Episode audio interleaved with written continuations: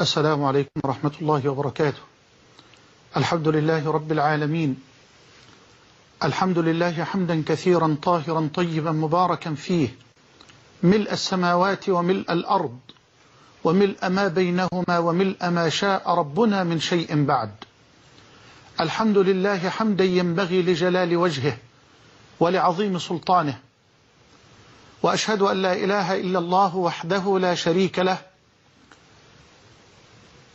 مالك الملك وملك الملوك الحي القيوم الذي لا تأخذه سنة ولا نوم. قال أعرف الخلق به صلى الله عليه وسلم إن الله لا ينام ولا ينبغي له أن ينام. يخفض القسط ويرفعه يرفع إليه عمل الليل قبل عمل النهار وعمل النهار قبل عمل الليل حجابه النور لو كشفه لأحرقت سبحات وجهه ما انتهى إليه بصره من خلقه.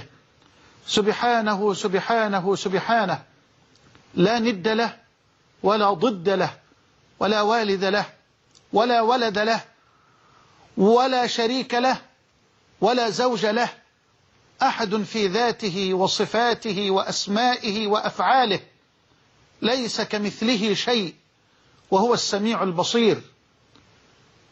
قال جل وعلا قل هو الله أحد الله الصمد لم يلد ولم يولد ولم يكن له كفوا أحد. سبحانه سبحانه سبحانه. وأشهد أن سيدنا محمدا عبد الله ورسوله وصفي الله وخليله. بلغ الرسالة. وأدى الأمانة ونصح للأمة فكشف الله به الغمة. أرسله الله جل وعلا والناس صنفان ضالون جفاه ومغضوب عليهم غلاه. فجاء بالدين الوسط وحذر من الزيغ والشطط وتركنا على المحجة البيضاء. ليلها كنهارها لا يزيغ عنها إلا هالك. بعثه الله جل وعلا بالهدى ودين الحق بين يدي الساعة بشيرا ونذيرا وداعيا إلى الله بإذنه وسراجا منيرا.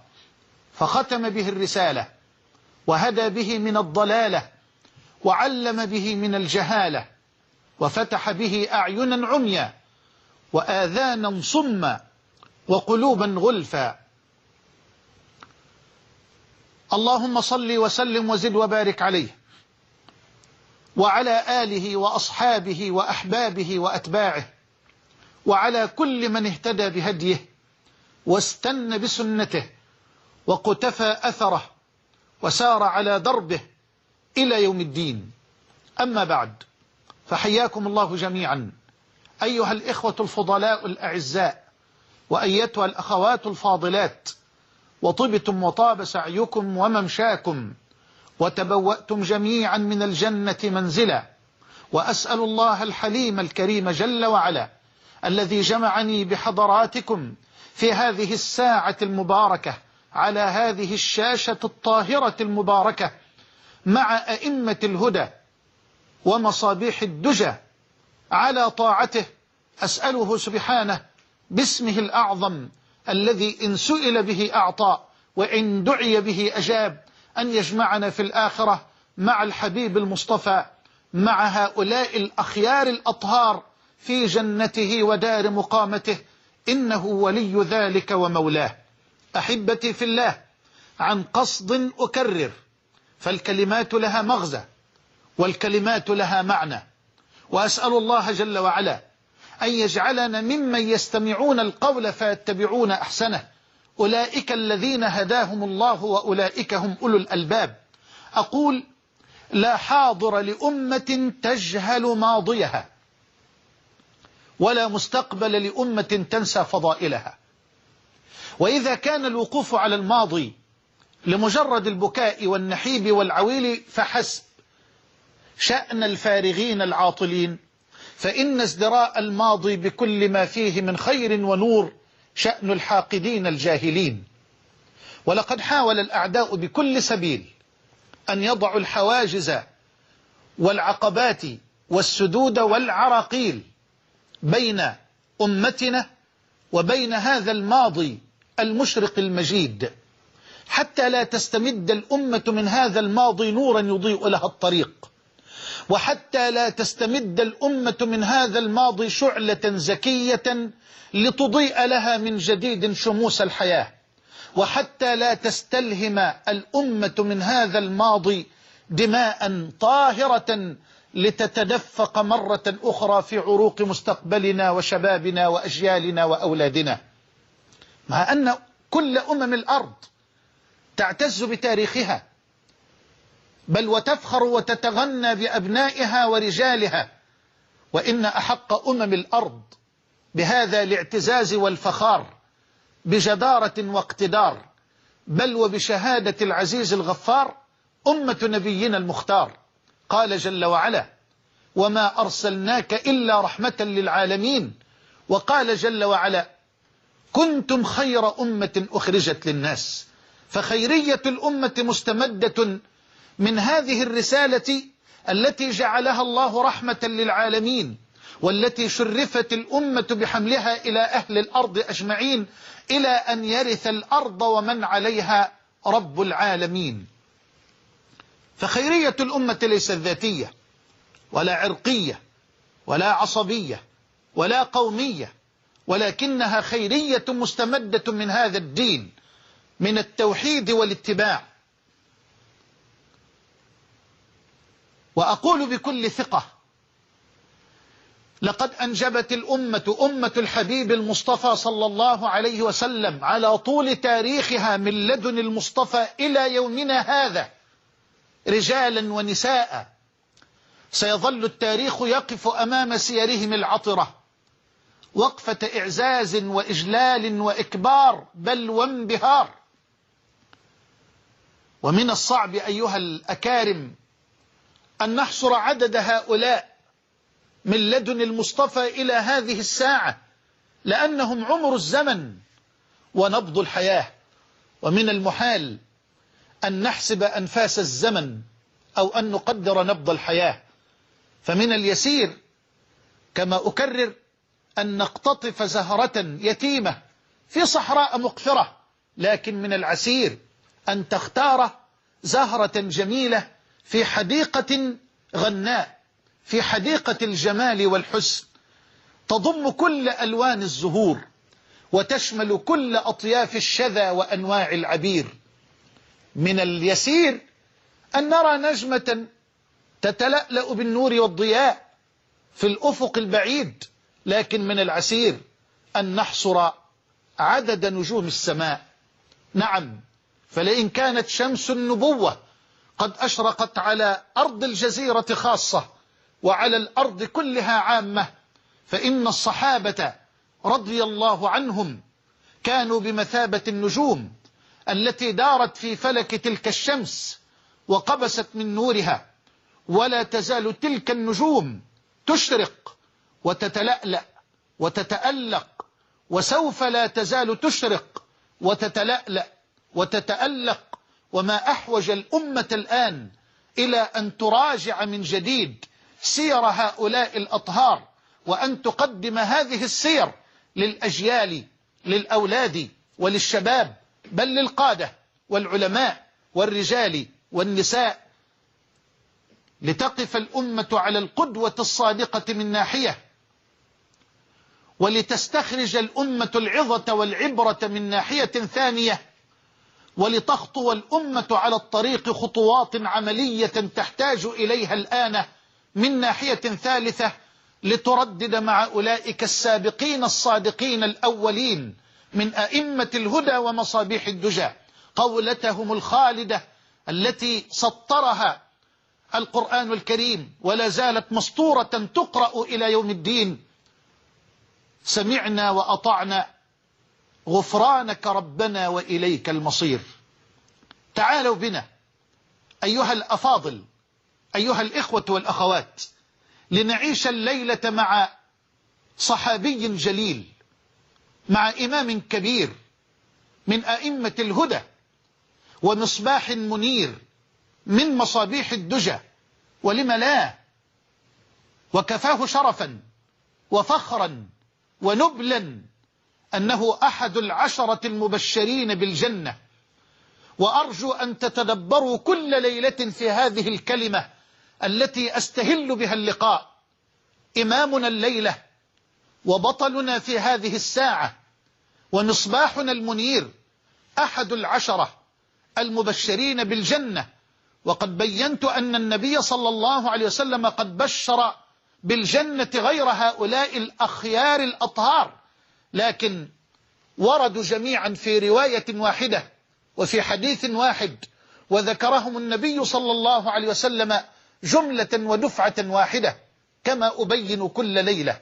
فإمامنا الليلة أحد العشرة المبشرين بالجنة وأحد السابقين للإسلام.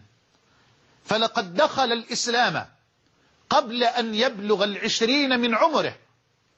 وقبل أن يدخل النبي صلى الله عليه وسلم دار الأرقم ابن أبي الأرقم يعني ليدعو إلى التوحيد وإلى الإسلام سرا.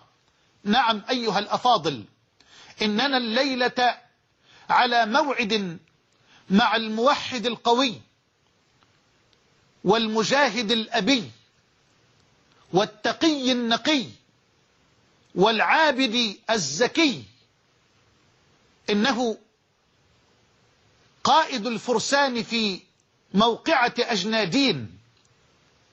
إنه أسد معركة اليرموك. إنه قائد الفرسان في موقعة أجنادين. إنه أسد معركة اليرموك. إنه الرجل الذي جعل الله جل وعلا له من اسمه أوفر الحظ والنصيب. انتبه. فهو من أهل السعادة مع الزيادة.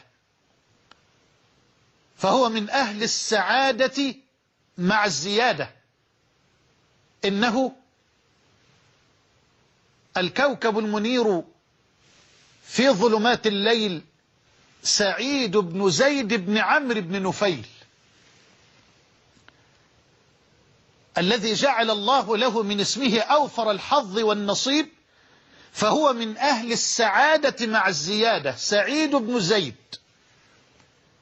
ابن عمرو بن نفيل ولا يمكن أبدا لمترجم لهذا الإمام الكبير والصحابي الجليل أن يستهل ترجمته والحديث عنه إلا بعد أن يترجم لأبيه وإلا بعد أن يتحدث عن والده.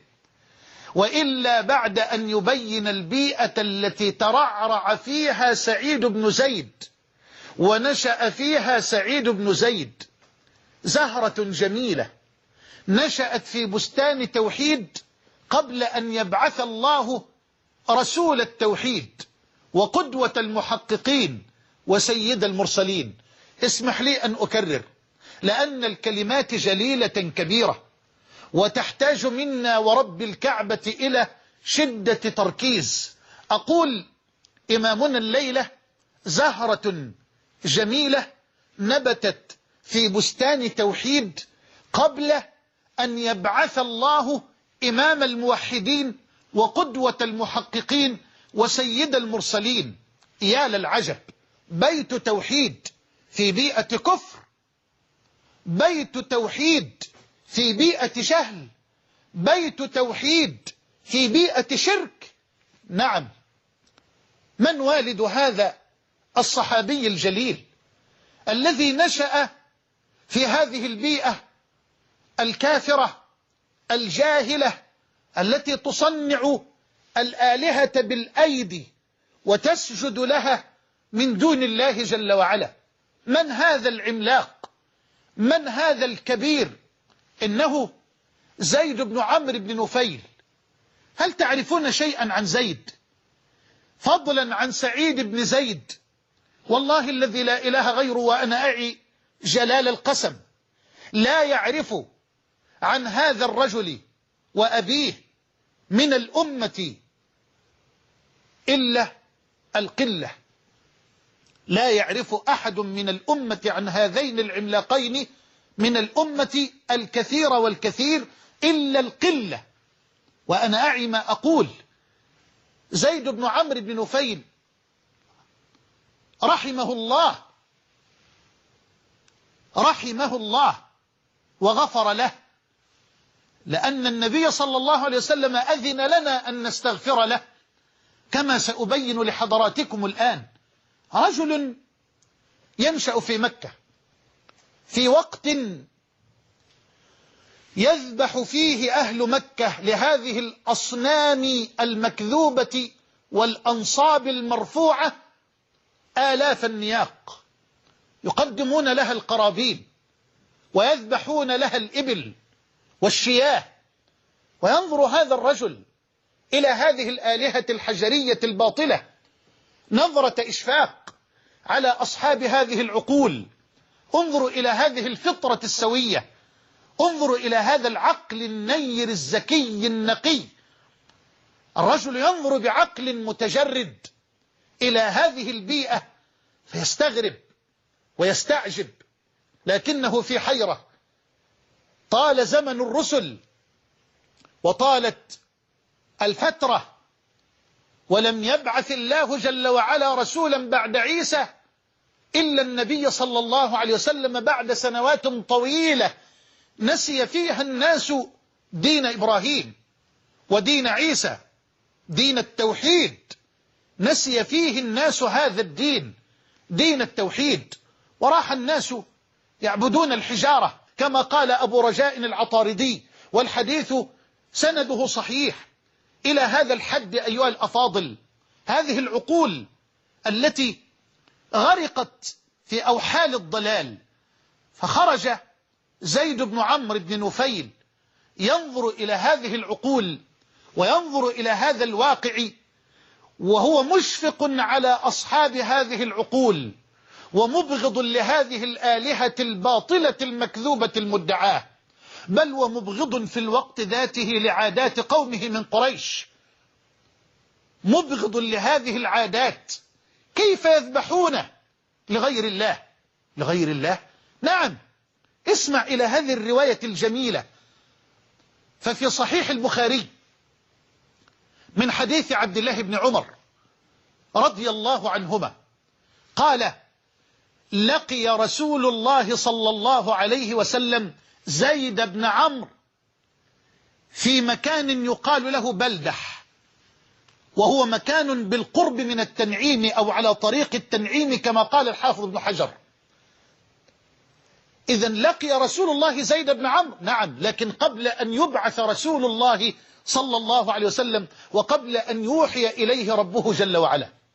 لقي رسول الله صلى الله عليه وسلم زيد بن عمرو بن نفيل في مكان يقال له بلدح بالقرب من التنعيم أو على طريق التنعيم من مكة إلى التنعيم. يقول فقدمت للنبي صلى الله عليه وسلم سفرة. سفرة يعني مائدة صغيرة عليها طعام. فأبى صلى الله عليه وسلم أن يأكل. أبى صلى الله عليه وسلم أن يأكل. ثم قيل لزيد بن عمرو ابن نفيل والد سعيد بن زيد قيل له كل فقال هذا الرجل العملاق الكبير صاحب الفطرة النقية لا آكل مما تذبحون على أنصابكم. لا إله إلا الله. إيه التوحيد ده؟ لا آكل مما تذبحون على أنصابكم. يعني أنا لا آكل هذه الذبائح التي ذبحت لغير الله. اسمع ماذا يقول أنا لا آكل مما تذبحون على أنصابكم. ولا آكل إلا مما ذكر اسم الله عليه. ده كلام كبير. ده كلام كبير والله العظيم. ما هو خلي بال حضرتك أما تنشأ في بيئة تسمع فيها عن الله جل وعلا وتسمع فيها من يذكرك بالله ويذكرك برسول الله صلى الله عليه وسلم ويقيم عليك الحجة فمسؤوليتك كبيرة وأمانتك عظيمة وشتان شتان بينك وبين رجل لا يسمع شيئا عن الله في بيئة لا يسمع فيها شيئا عن رسول الله ولا يعرف فيها شيئا عن التوحيد. وربنا جل وعلا يقول وما كنا معذبين حتى نبعث رسولا. وربنا جل وعلا يقول في شأن الرسل رسلا مبشرين ومنذرين لئلا يكون للناس على الله حجة بعد الرسل. ونبينا صلى الله عليه وسلم يقول كما في صحيح مسلم من حديث أبي هريرة رضي الله عنه والذي نفسي بيده لا يسمع بي لا يسمع بي. أحد من هذه الأمة يهودي أو نصراني ثم يموت ولم يؤمن بالذي أرسلت به إلا كان من أصحاب النار فاشترط النبي المختار السماع. فشتان شتان بين من يعيش في بيئة جاحدة كافرة تكفر بالله بل وتعلن ذلك بتبجح واستعلاء. ويخرج في هذه البيئة رجل بفطرة سوية بفطرة نقية ينظر إلى السماء وارتفاعها وإلى الأرض واتساعها وإلى الجبال وأثقالها وإلى الأفلاك ودورانها وإلى الكون بآياته من العرش إلى الفرش أي من السماء إلى الأرض ويتأمل ويتدبر. ثم ينظر إلى هذه الآلهة وإلى هذه العبادة المهرجة لهذه الآلهة ثم يهتدي بفضل الله ثم بفضل عقله النير وفطرته النقية السوية إلى التوحيد وإلى الحق أمر عجب. أرجو أن تتصوروا قدر هذا وقيمة ما أؤصله لحضراتكم الآن. ولا أريد أن أطيل النفس مع هذا الوالد الكريم لكن ليس من الفقه ولا من الحكمة أن أترجم لسعيد دون أن أبين البلد الطيب الذي خرج منه سعيد بإذن ربه جل وعلا. والبلد الطيب يخرج نباته بإذن ربه. والذي خبث لا يخرج إلا نكدا نسأل الله أن يكفينا وياكم شر الهم والحزن والنكد. إنه ولي ذلك والقادر عليه. نعم أيها الأفاضل. يقول عبد الله بن عمر لقي رسول الله صلى الله عليه وسلم زيد بن عمرو بن نفيل في مكان يقال له بلدح. فقدمت لرسول الله سفرة فأبى أن يأكل. فقيل لي زيد بن عمرو كل. قال لا أنا لا آكل مما تذبحون على أنصابكم ولا آكل إلا مما ذكر اسم الله عليه. يقول عبد الله بن عمر وكان يعيب على قريش ذبائحها أو ذبائحهم لغير الله عز وجل. ويقول اسمع ويقول الشاة خلقها الله عز وجل. وأنزل لها من السماء الماء وأخرج لها من الأرض يعني العشبة. ثم تذبحونها على غير اسم الله إنكارا لذلك وإعظاما له. هل استمعت إلى هذه الكلمات؟ يقول يا قوم استعملوا عقولكم. يا قوم يا من تعبدون غير الله. يا من صرفتم العبادة لغير الله يا من ذبحتم لغير الله يا من قدمتم النذر والقرابين لغير الله يا من علقتم قلوبكم بغير الله يا من صرفتم التوحيد لغير الله. ألا تحكموا عقولكم؟ ألا تفكروا؟ الشاة خلقها ربنا عز وجل وأنزل لها من السماء الماء. وأخرج لها من الأرض يعني العشب. ثم تذبحونها على غير اسم الله أو لغير الله تبارك وتعالى. الله جل وعلا يقول قل إن صلاتي ونسكي. نسكي يعني إيه؟ يعني ذبحي. الذبح لا ينبغي أن يكون لنبي ولا لولي بل يجب أن يكون للرب العلي وحده. فمن ذبح لغير الله فقد أشرك. ومن نذر لغير الله فقد أشرك. ومن حلف بغير الله فقد أشرك. هذا كلام الصادق إمام الموحدين وقدوة المحققين سيد المرسلين صلى الله عليه وسلم. قل أي قل يا محمد قل إن صلاتي ونسكي ومحياي ومماتي لله رب العالمين. لا شريك له وبذلك أمرت وأنا أول المسلمين. تذبحونها لغير الله؟ هذه دعوة للتعقل والتدبر والتفكر والتأمل. والعقل له مجاله فهذا مجاله. فليبدع العقل في هذا. لكن لا ينبغي أن يعبد العقل من دون الله. ولا ينبغي أن نجعل من العقل طاغوتا جديدا لنعبده من دون الله تبارك وتعالى مع آلهة أخرى عصرية باطلة مكذوبة مدعاة. فالعقل له دوره. لا ينبغي أن نتخطى بالعقل قدره حتى لا نسبح في بحر من التيه والضلال. بغير دليل ولا برهان لا يستقل العقل دون هداية بالوحي تأصيلا ولا تفصيلا. كالطرف دون النور ليس بمدرك حتى يراه بكرة وأصيلا. نور النبوة مثل نور الشمس للعين البصيرة فاتخذه دليلا. فإذا النبوة لم ينلك ضياؤها فالعقل لا يهديك قط سبيلا. طرق الهدى محدودة إلا على من أم هذا الوحي والتنزيل. فإذا عدلت عن الطريق تعمدا فاعلم بأنك ما أردت وصولا. يا طالبا درك الهدى بالعقل دون النقل لن تلقى لذاك دليلا. فالرجل راح يستخدم عقله استخداما سويا.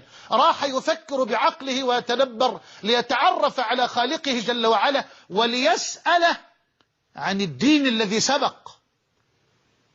فالله جل وعلا ما ترك البشرية بغير دين وما ترك البشرية بغير رسل وما ترك البشرية بغير أنبياء لكن قد تطول الفترة أو المدة بين نبي ونبي ورسول ورسول لكن الله جل وعلا يبعث إلى أهل الأرض من لدن آدم.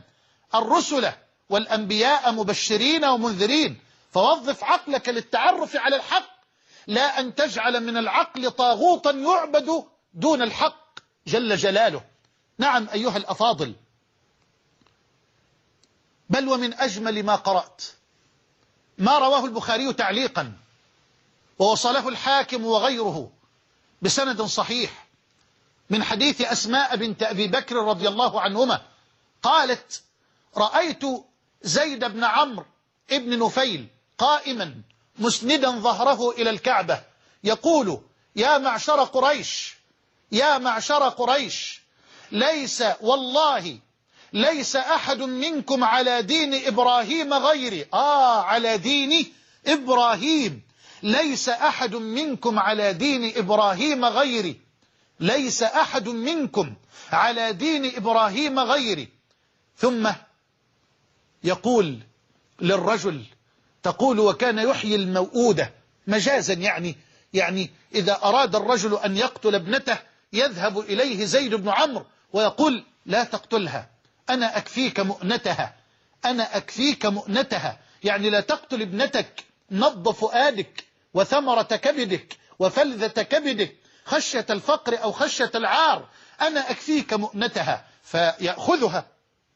فإذا ترعرعت أي شبت البنت وكبرت ذهب بها هذا الرجل الكريم الأبي الوفي إلى أبيها وقال إن شئت إن شئت أخذتها وإن شئت كفيتك مؤنتها إن شئت أخذتها وإن شئت كفيتك مؤنتها. إلى هذا الحد. نعم أيها الأفاضل لماذا؟ تدبر هذا الحديث الجميل الذي رواه البخاري أيضا وغيره من حديث عبد الله بن عمر رضي الله عنهما. قال عبد الله بن عمر اسمع خرج زيد بن عمرو بن نفيل إلى الشام يسأل عن الدين ويتبعه. يا الله. والله تتدبر هذا. خرج زيد بن عمرو بن نفيل إلى الشام ترك مكة. بضجيجها وصخبها حول آلهتها المكذوبة. وراح يبحث عن الحقيقة. إنه الباحث عن الحق. إنه الباحث عن التوحيد. في ظلام الشرك والوثنية. خرج إلى الشام يسأل عن الدين ويتبعه. اسمع. قال فلقي عالما من علماء اليهود. فسأله عن دينهم. أي عن دين اليهود. فقال له عالمهم أي عالم اليهود. قال زيد إني أسأل عن دينكم فدلني لعلي أن أكون على دينكم. فقال له عالم اليهود لا تكون على ديننا حتى تنال نصيبك من غضب الله. أعوذ بالله.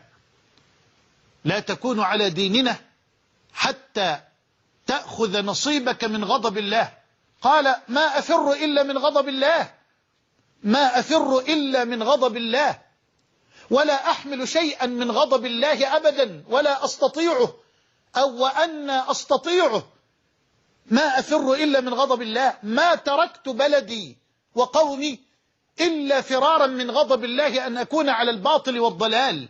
وما خرجت إلا لأبحث عن الحق لأؤمن نفسي من غضب الكبير المتعال.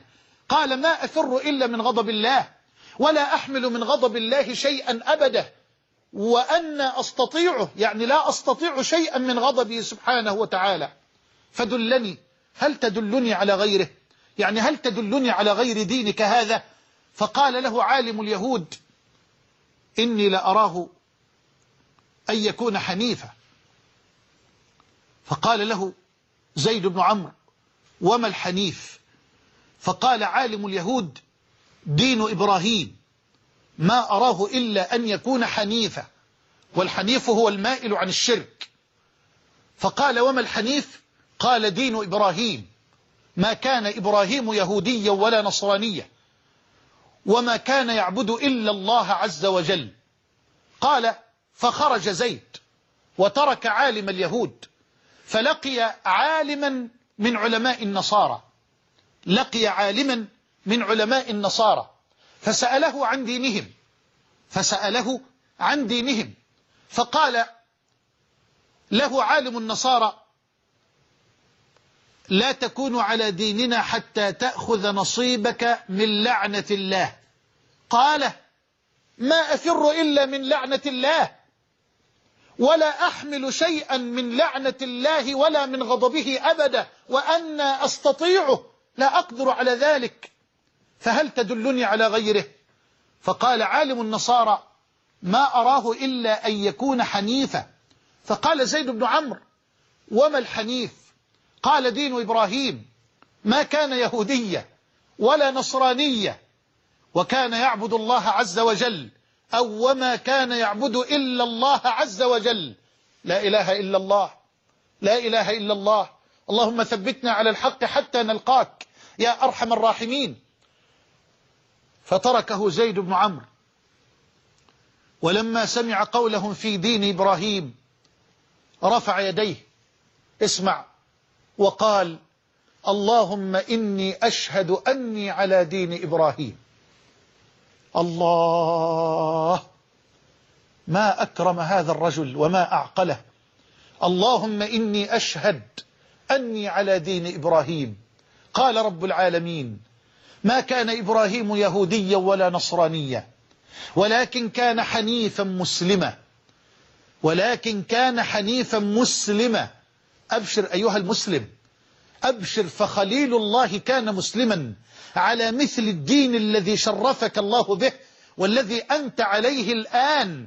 اسجد لربك شكرا أنك على دين إبراهيم وعلى دين محمد وعلى دين عيسى وعلى دين موسى وعلى دين سليمان وعلى دين يوسف وعلى دين نوح وعلى دين آدم وعلى دين جميع الرسل والأنبياء. إن الدين عند الله الإسلام وقال جل وعلا ومن يبتغي غير الإسلام دينا فلن يقبل منه وهو في الآخرة من الخاسرين ومما زادني فخرا وتيها وكدت بأخمصي أطأ الثريا دخولي تحت قولك يا عبادي وأن صيرت أحمد لي نبيا. يا له من شرف. صلى الله على محمد وصلى الله على أحمد وأسأل الله أن يثبتنا على الإسلام حتى نلقاه إنه ولي ذلك ومولاه. نعم رفع يديه إلى السماء وقال اللهم إني أشهد أني على دين إبراهيم. أشهد أني على الحنيفية على الإسلام على الطريق المائل عن الشرك. ولذلك روى الإمام أحمد في مسنده ويا لها والله من كرامة ومن منقبة. روى الإمام أحمد في مسنده بسند صححه العلامة أحمد شاكر رحمه الله تعالى أن سعيد بن زيد وهو ابن هذا الوالد الكريم أن سعيد بن زيد إمامنا وبطلنا وعمر بن الخطاب وعمر بن الخطاب ذهبا إلى النبي صلى الله عليه وسلم وسألاه اسمع وقال يا رسول الله أنا استغفر لزيد بن عمرو بن نفيل؟ الله الله شايف الأدب شايف الأدب؟ عمر خايف يستغفر. وسعيد بن زيد خايف يستغفر لأبيه. مش عارف ما المصير ما الخاتمة. آه لأنهم سمعوا رسول الله صلى الله عليه وسلم قبل ذلك يقرأ قول الله تعالى الذي نزل في شأن عمه ما كان للنبي والذين آمنوا أن يستغفروا للمشركين ولو كانوا أولي قربة من بعد ما تبين لهم أنهم أصحاب الجحيم. أي أدب هذا الذي تأدب به أصحاب رسول الله صلى الله عليه وسلم؟ نعم يا رسول الله عمر وسعيد بن زيد عمر ابن عمه وسعيد بن زيد ابنه. يا رسول الله أنا استغفر لزيد بن عمرو بن نفيل؟ اسمع ماذا قال الصادق؟ قال نعم قال نعم إنه يبعث أمة وحده. يا خبر. مش ممكن. انت حضرتك وقفت على المنقبة دي شايف النبي عليه الصلاة والسلام لخص القضية الكبيرة التي شرقت وغربت وطوفت بحضراتكم في بستانها اليانع الماتع ألا وهي؟ البحث عن الحقيقة. يلخصها النبي صلى الله عليه وسلم في هذه الكلمات فيقول نعم استغفر واستغفروا جميعا. لزيد بن عمرو بن نفيل. استغفروا لزيد بن عمرو بن نفيل. فإنه يبعث أمة وحده. أمة. رجل في موازين الرجال يزن أمة. إنه يبعث أمة وحده. ولم لا؟ وهو الذي تعرف على الحق دون أن يدله رسول أو نبي. بل بفضل الرب العلي. وفضل بحثه عن الحق وبفضل بحثه عن الحق والحقيقة. دعوة للتأمل بكل أسف في عصر الذرة في عصر الفضائيات في عصر الإنترنت هناك من لا يعبد الله جل وعلا. نعم هناك من يعبد آلهة باطلة مكذوبة كثيرة أخرى. فلا تتصوروا أن الآلهة قد انتهى زمنها. لا بل أنا لا أعلم زمانا قد انتشرت وكثرت فيه الآلهة الباطلة المكذوبة المدعاة كزمن الإنترنت والفضائيات. ولا حول ولا قوة إلا بالله. إن كان أولئك يعبدون حجرا يصنعونه بأيديهم فإننا نرى الآن من يعبد الكواكب والجنة والإنس والمناهج والبقر والفئران إلى غير ذلك من الآلهة المكذوبة الباطلة المدعاة. فضلا عمن يعبد المال الدرهم والدينار. فضلا عمن يعبد الهوى. فضلا عمن يعبد شخصا سواء كان صالحا أو طالحا. ولا حول ولا قوة إلا بالله العلي العظيم. آلهة كثيرة. ولا حول ولا قوة إلا بالله. قال تعالى ومن الناس من يتخذ من دون الله أندادا. يحبونهم كحب الله والذين آمنوا أشد حبا لله ولله ضر ابن القيم. قال والشرك فاحذره فشرك ظاهر ذا القسم ليس بقابل الغفران. والشرك فاحذره فشرك ظاهر ذا القسم ليس بقابل الغفران. وهو اتخاذ الند للرحمن أيا كان من حجر ومن إنسان يدعوه أو يرجوه ثم يخافه ويحبه كمحبة الديان. انظر لتلك الشجرة ذات الغصون الندرة كيف نمت من حبة وكيف صارت شجرة. ابحث وقل من ذا الذي يخرج منها الثمرة. ذاك هو الله الذي أنعمه منهمرة. ذو حكمة بالغة وقدرة مقتدرة. وانظر لتلك الشمس التي جزوتها مستعرة فيها ضياء وبها حرارة منتشرة. ابحث وقل من ذا الذي يخرج منها الشررة ذاك هو الله الذي أنعمه منهمرة. ذو حكمة بالغة وقدرة مقتدرة. سل الواحة الخضراء والماء جارية. وهذا الصحاري والجبال الرواسية. سل الروض مزدانا. سل الزهر والندى سل الليل والأصباح والطير شادية سل هذه الأنسام والأرض والسماء سل كل شيء.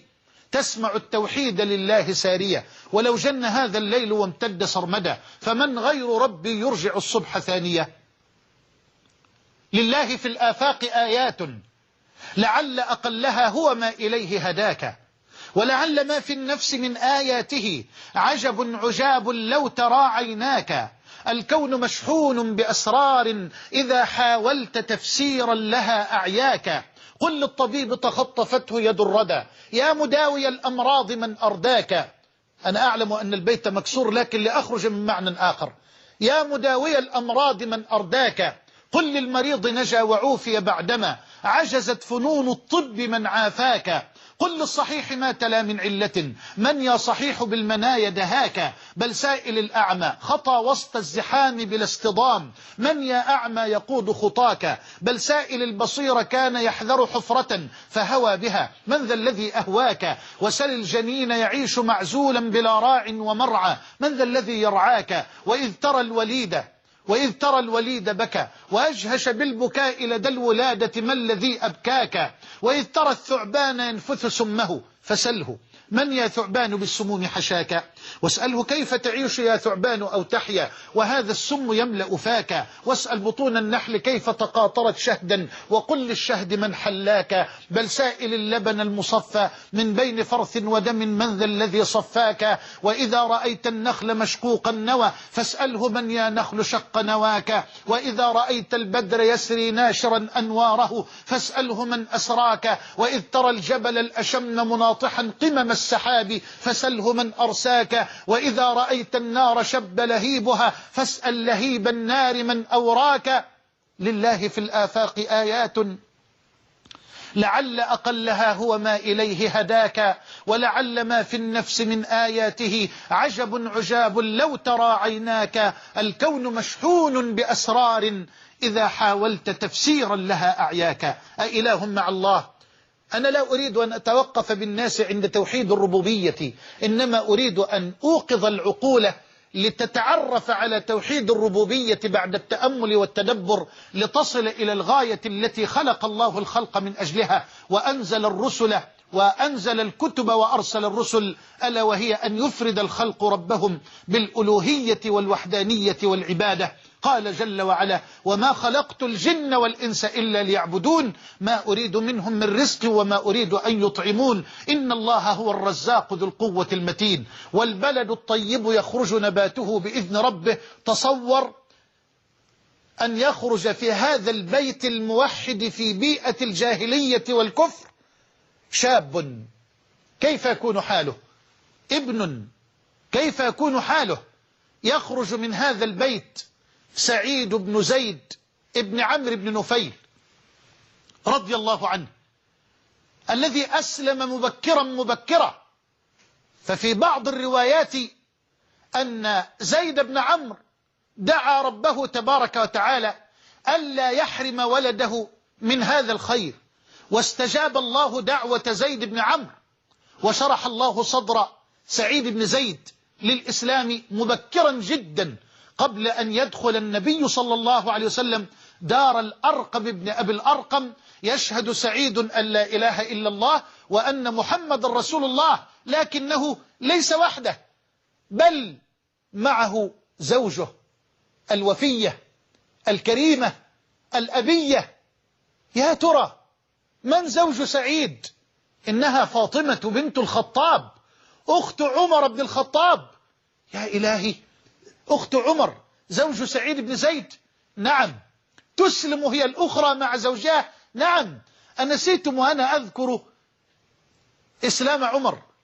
وقد ذكرت الرواية الضعيفة المشهورة التي تحفظونها وتعرفونها جميعا. ألا وهي أن عمر بن الخطاب رضي الله عنه بإيجاز. لما أخذ سيفه وخرج لقتل النبي صلى الله عليه وسلم ولقيه نعيم بن عبد الله وقال إلى أين عمر؟ قال إلى هذا الصابئ الذي فرق قريشا إلى آخره لأقتله. يقصد محمدا صلى الله عليه وسلم قال والله لقد غرتك نفسك يا ابن الخطاب أترى أن قوم محمد من بني هاشم سيتركونك تمشي على الأرض وقد قتلت محمدا؟ هل لا رجعت إلى أهل بيتك لتقومهم أولا؟ ودارت الأرض تحت أرجل عمر بن الخطاب رضي الله عنه ودارت رأسه كذلك مع قدميه. من تقصد من أهل بيتي يا نعيم؟ قال أختك فاطمة وزوجها سعيد بن زيد أسلم وتابع محمدا على دينه ويتوجه عمر بن الخطاب إلى بيت أخته فاطمة وإلى بيت زوج أخته سعيد بن زيد رضي الله عنهما. وهنالك يسمع هينمة يسمع صوتا خفيضا أو منخفضا. ويطرق الباب عمر بشدته المعهودة وقوته المعروفة ويختبئ خباب بن الأرت الذي كان يعلم فاطمة وزوجها سعيد آيات من القرآن الكريم من سورة طه. ويقتحم عمر البيت. ويقول ما هذه الهينمة التي سمعت؟ قال ما سمعت شيئا. قال بل سمعت. فقال له سعيد بن زيد وماذا لو كان الحق في غير دينك؟ يقول عمر لقد سمعت أنكما صبأتما وتابعتما محمدا على دينه. فيقول سعيد وماذا لو كان الحق في غير دينك؟ وهنا جن جنون عمر وجبذ سعيدا من مجامع ثوبه. وأوقعه على الأرض وظل يمرغه في الأرض فانقضت عليه زوجته الوفية لتحول بين عمر بين أخيها وبين زوجها الموحد الصادق البار الأمين. الشاهد أن عمر بن الخطاب قرأ الرسالة التي فيها صدر سورة طه فلما قرأ قال ما أحلى هذا الكلام وأكرمه؟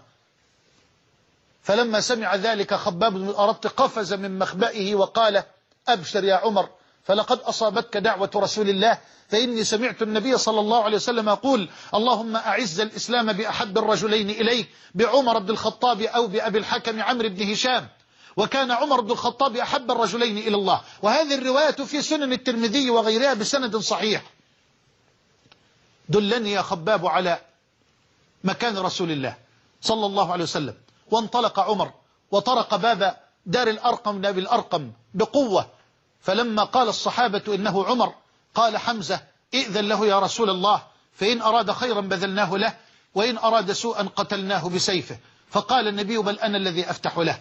وفتح النبي لعمر وجبذه من ردائه فأوقعه على الأرض.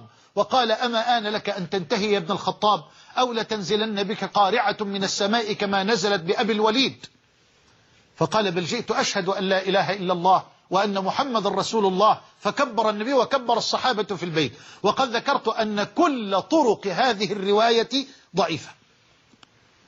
لكن فيها أن عمر بن الخطاب ذهب ليحول بين سعيد بن زيد وأخته فاطمة وبين الإسلام فجعل الله سعيدا وفاطمة سببا من أسباب دخول عمر في الإسلام لكن الرواية ضعيفة ويؤكد ضعفها ما أذكره الآن في صحيح البخاري من حديث قيس بن أبي حازم قال سمعت سعيد بن زيد رضي الله عنه يقول في مسجد الكوفة والله لقد رأيتني لقد رأيتني وإن عمر بن الخطاب لموثقي لمقيدي بالقيود والحبال وإن عمر بن الخطاب لموثقي أنا وأخته فاطمة قبل أن يسلم عمر. هذه الرواية تؤكد يقينا ضعف الرواية السابقة لأن الرواية السابقة تقول بأن عمر ما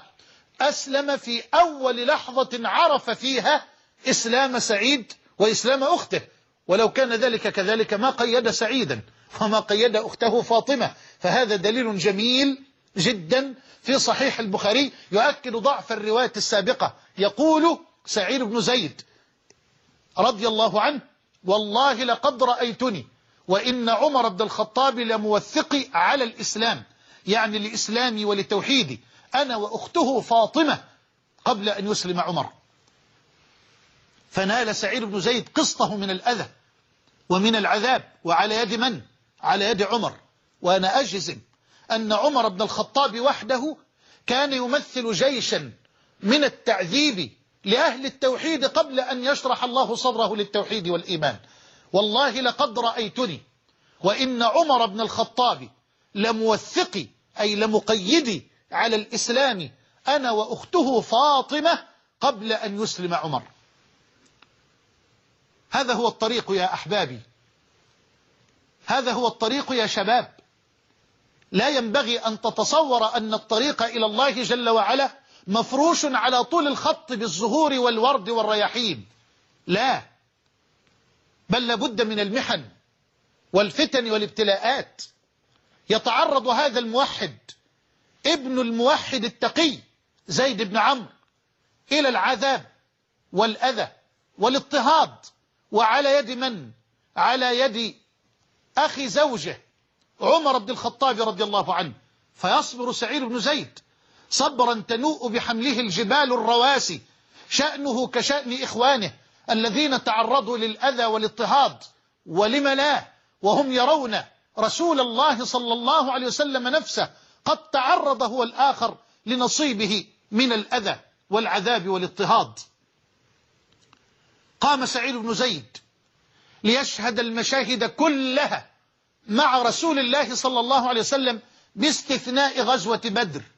وقد كان النبي صلى الله عليه وسلم قد أرسله في مهمة أداها سعيد بن زيد على أكمل وجه بدليل أنه لما عاد وقد انتهت معركة بدر قسم له رسول الله صلى الله عليه وسلم حظه ونصيبه من الغنيمة وكأنه شارك النبي وأصحابه في المعركة لأنه كان في مهمة لرسول الله عليه الصلاة والسلام. يتفقد العيرة عير قريش لكنها سلكت طريقا آخر فما عاد إلى المدينة إلا وقد كان النبي قد لقي العيرة ووقعت المعركة وعاد النبي بعد أن نصر الله المؤمنين والموحدين وعلى رأسهم رسول الله عليه الصلاة والسلام فقسم النبي لسعيد بن زيد حظه من الغنيمة وكأنه شهد المعركة. لم يتخلف سعيد بن زيد عن معركة قط وكان عابدا تقيا نقيا مستجاب الدعوة. إي والله لقد روى الإمام مسلم في صحيحه أن امرأة يقال لها أروى. هذه المرأة اتهمت سعيد بن زيد رضي الله عنه بأنه غصب أرضا من أرضها ظلما. أعوذ بالله. طب وده كلام معقول؟ معقول أحد العشر المبشرين بالجنة. يأخذ أرضا غصبا ويظلم امرأة ويأخذ أرضها بغير وجه حق. فخاصمته هذه المرأة التي تدعى أروى خاصمته إلى مروان بن الحكم وكان واليا على المدينة. فطلبه مروان بن الحكم وسأله. فقال سعيد بن زيد رضي الله عنه أنا كنت آخذ شيئا من أرضها بعدما سمعت رسول الله صلى الله عليه وسلم. فقال له مروان بن الحكم وماذا سمعت من رسول الله صلى الله عليه وسلم؟ فقال سعيد بن زيد سمعت من رسول الله صلى الله عليه وسلم أنه قال من أخذ شبرا من أخذ شبرا من الأرض ظلما طوقه يوم القيامة من سبع أراضين. طوقه يوم القيامة من سبع أراضين. من أخذ شبرا شبرا. ها انتبهوا يا سادة.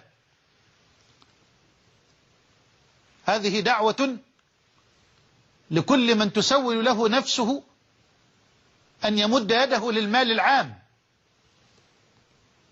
أن يمد يده للمال العام سواء كان هذا المال أرضا أو عقارا أو وسيلة من وسائل المواصلات أو أي صورة من صور المال العام. فكل مال عام لا يجوز لمسلم أن يأخذ منه شيئا ظلما أو غصبا.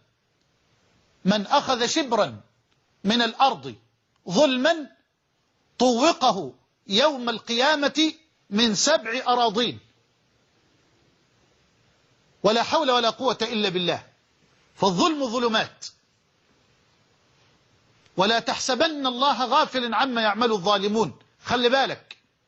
فأصرت المرأة على ذلك. لكن سعيد بن زيد قال ذلك لمروان بن الحكم فقال له مروان والله لا أطالبك ببينة بعد هذا. والله لا أطالبك ببينة بعد هذا. خلاص. كان وقافا. وكانوا وقافين عند كلام الله وكلام رسوله صلى الله عليه وآله وسلم. فغضب سعيد بن زيد من هذه المرأة الظالمة ودعا عليها. وقال اللهم إن كانت هذه المرأة كاذبة فأعم بصرها واقتلها في أرضها. لا حول ولا قوة إلا بالله. انفعال لغضب ملأ قلبه. تتهمه بمثل هذه التهمة النكراء وهو صحابي رسول الله صلى الله عليه وسلم وأحد العشرة المبشرين بالجنة. اللهم إن كانت كاذبة فأعم بصرها واقتلها في أرضها. فوالله ما ماتت المرأة. إلا وقد عمي بصرها. وبينما هي تمشي في أرضها يوما إذ وقعت في حفرة فماتت. واستجاب الله دعوة سعيد بن زيد رضي الله عنه وأرضاه. وكان سعيد مجاهدا بطلا. كما ذكرت لم يتخلف عن معركة باستثناء بدر. وبعد موت النبي صلى الله عليه وسلم وموت الصديق. قام سعيد بن زيد ليشهد الفتوحات العظيمة مع الصحابة رضي الله عنهم في عهد عمر بن الخطاب رضوان الله عليه. ففي معركة أجنادين كان سعيد بن زيد قائد الفرسان. هل تعلمون هذا؟ كان سعيد بن زيد قائد الفرسان في معركة أجنادين والتي كانت بقيادة خالد بن الوليد رضي الله عنه ضد الروم. ولما أرهق الروم المسلمين بالنبال والسهام والرماح حتى شمست الخيول يعني حتى نفرت الخيول تحت المسلمين ولم تعد الخيول قادرة على تمكين الفرسان من ظهورها من شدة الرماح والنبال والسهام التي تتنزل على ظهورها وجوهها كالأمطار من أهل الروم. وهنا تقدم قائد الفرسان سعيد بن زيد رضي الله عنه وأشار على خالد بن الوليد أن يبدأ الهجوم لأن الخيول قد شمست ولا تستطيع أن تتحمل أكثر من ذلك. وتقدم سعيد بن زيد رضوان الله عليه بعدما رأى المسلمون جرأته وقوته وإقدامه تقدموا جميعا بفضل الله وكانت الغلبة للمسلمين والموحدين بفضل إقدام وصدق هذا المجاهد الأبي والبطل الصادق الوفي. أما في معركة اليرموك فقد رأينا من هذا البطل العجب العجاب.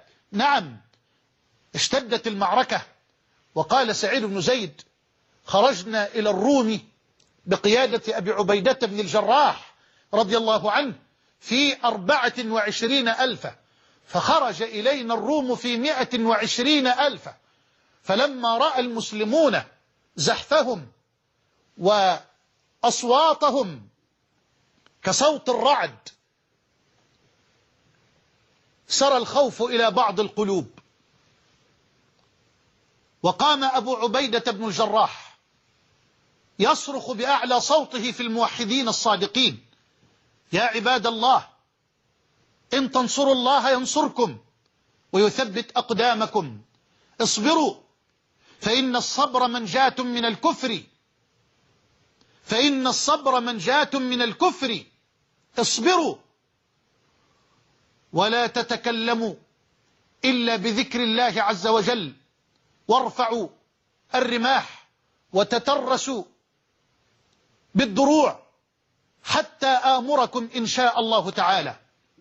يقول سعيد بن زيد وبينما أبو عبيدة يحدث الناس ويحث الصحابة والمسلمين على القتال والجهاد والصبر والثبات وإذ برجل يخرج لينادي على أبي عبيدة رضي الله عنه ويقول يا أبا عبيدة يا أبا عبيدة جندي من الجنود ينادي على القائد العام أبي عبيدة ابن الجراح. يا أبا عبيدة يا أبا عبيدة إني قد عزمت على الشهادة فهل لك من رسالة تريد أن تبلغها لرسول الله؟ يا الله يا الله. إيه الصدق ده؟ خلاص على يقين إنه هيموت. هو خارج يبحث عن الموت يبحث عن الشهادة. لا عن النصر. فبقول له معاك رسالة عاوز تبلغها للنبي صلى الله عليه وسلم. فهل لك من رسالة تريد أن تبلغها لرسول الله؟ الرجل على يقين أنه سيلقى النبي وصحبه. فقال له أبو عبيدة نعم. إذا لقيت رسول الله صلى الله عليه وسلم فأقرئه مني ومن المسلمين السلام. وقل له يا رسول الله جزاك الله عنا خيرا. وإنا قد وجدنا ما وعدنا ربنا حقا. قل له يا رسول الله جزاك الله عنا خيرا. وإنا قد وجدنا ما وعدنا ربنا حقا. وانقض الرجل على الأعداء يبحث عن الشهادة والموت. يقول سعيد بن زيد فلما رأيت الرجل وسمعت كلامه قفزت من على ظهر جوادي واقتحمت على الأرض وجثوت على ركبي وضربت برمحي فقتلت أول فارس دخل علي ونزع الله ما في قلبي من الخوف. وانقضضت على العدو فلما رأى المسلمون ذلك شدوا على الروم وكتب الله النصر للمسلمين. نماذج مشرفة تجمع بين العبادة والتقى والصبر على البلاء وبين الذكر والجهاد. والعمل لدين الله تبارك وتعالى قدوات طيبة نريد أن يتربى عليها الآن شبابنا وأولادنا وأن يتعرف جيلنا على مثل هذه النماذج التي لا نعرف عنها الكثير والكثير ولا نعرف عنها إلا النذر اليسير. وفي العقيق يموت سعيد بن زيد رضي الله عنه ويسرع إليه عبد الله بن عمر وسعد بن أبي وقاص ليغسله سعد بن أبي وقاص خال سيد الناس صلى الله عليه وسلم ولينزل قبره سعد بن أبي وقاص وعبد الله بن عمر رضي الله عن سعيد بن زيد ورضي الله عن سعد ورضي الله عن ابن عمر ورضي الله عن جميع أصحاب رسول الله وجمعنا بهم في جنات ونهر في مقعد صدق عند مليك مقتدر ولم لا وهو موعود من الصادق المصدوق بالجنة. قال صلى الله عليه وسلم أبو بكر في الجنة وعمر في الجنة وعثمان في الجنة وعلي في الجنة وطلحة في الجنة والزبير في الجنة وعبد الرحمن بن عوف في الجنة وسعد بن أبي وقاص في الجنة وسعيد بن زيد في الجنة وأبو عبيدة بن الجراح في الجنة. أعطوا ضريبتهم للدين من دمهم ونحن نزعم نصر الدين مجانا. أعطوا ضريبتهم للدين من دمهم ونحن نزعم نصر الدين مجانا. أعطوا ضريبتهم صبرا على محن صاغت بلالا وعمارا وسلمانا. عاشوا على الحب أفواها وأفئدة. باتوا على البؤس والنعماء إخوانا. الليل يعرفهم يبكون في وجل والحرب تعرفهم في الخطب فرسانا والله يعرفهم أنصار دعوته والناس تعرفهم للحق أعوانا. أسأل الله جل وعلا أن يجزيهم عنا خير الجزاء وأن يجمعنا بهم في جنات النعيم. بحبنا لهم وإن قصرت أعمالنا إنه ولي ذلك ومولاه. وصلى الله وسلم وبارك على نبينا وحبيبنا محمد وعلى آله وأصحابه أجمعين. والسلام عليكم ورحمة الله وبركاته.